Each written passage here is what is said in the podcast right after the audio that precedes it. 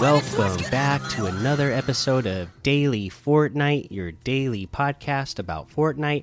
I'm your host, Mikey, aka Mike Daddy, aka Magnificent Mikey.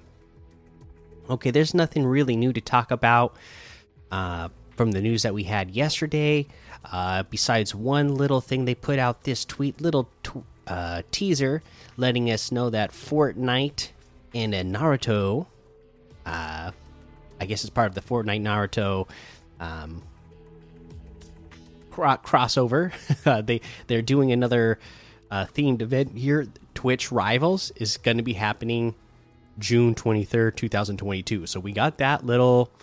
Uh, it's just a little splash, uh, you know, teaser there. Uh, so yeah, be looking forward to that. Excited about that. Looks like it'll be Naruto themed, so can't wait to see. Uh, you know, maybe there's going to be more items uh, based around that and some Naruto themed uh, stream for the Rivals event. We'll uh, we'll see. Uh, but yeah, other than that, not anything new to talk about from yet uh, from yesterday.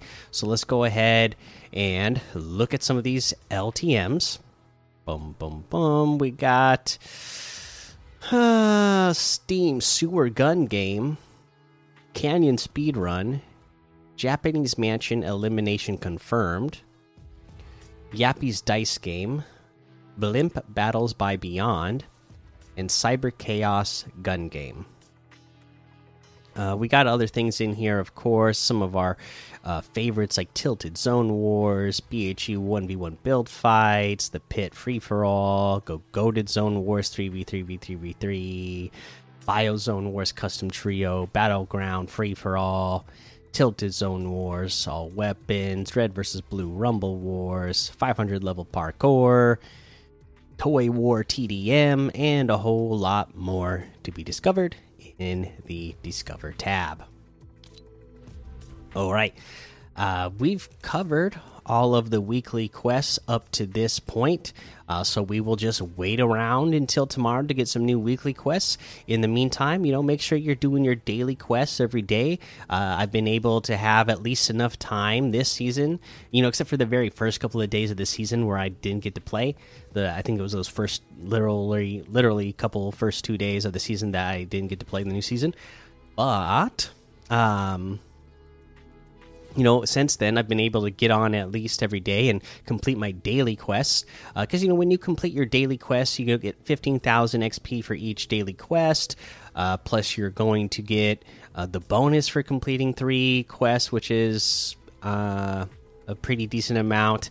And, you know, uh, when you're playing your matches along those way, I still play all my matches out, even when I'm just like, I don't like, you know, I don't uh, just like quickly do a daily quest and then back out or eliminate myself on purpose uh, and then go into another match. I play the rest of the match out, so I get enough experience points uh, while I'm doing the three daily challenges that I get every day to gain probably at least two levels a day. Right now, I'm level 24 uh, from doing all my daily uh, quests plus the weekly quests uh, that I'm all caught up on this season. And then uh, milestones. Make sure you're getting those milestones done because, again, those bonuses uh, that really adds up. You know, 5,000 XP every time uh, you get uh, a milestone done. And some of them are as easy as, yeah, thank the bus driver when you start the match, you know? Um, just yeah just easy stuff uh, a lot of them you know? Complete bounties just land by a bounty i already have 25 done this season just land by a bounty board accept it.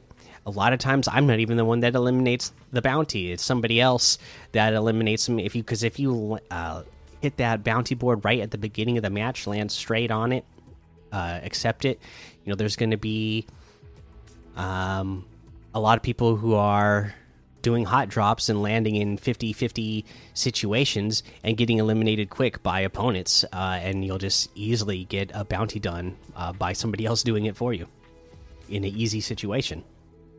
All right, uh, let's head on over to that item shop now and see what we have in the item shop.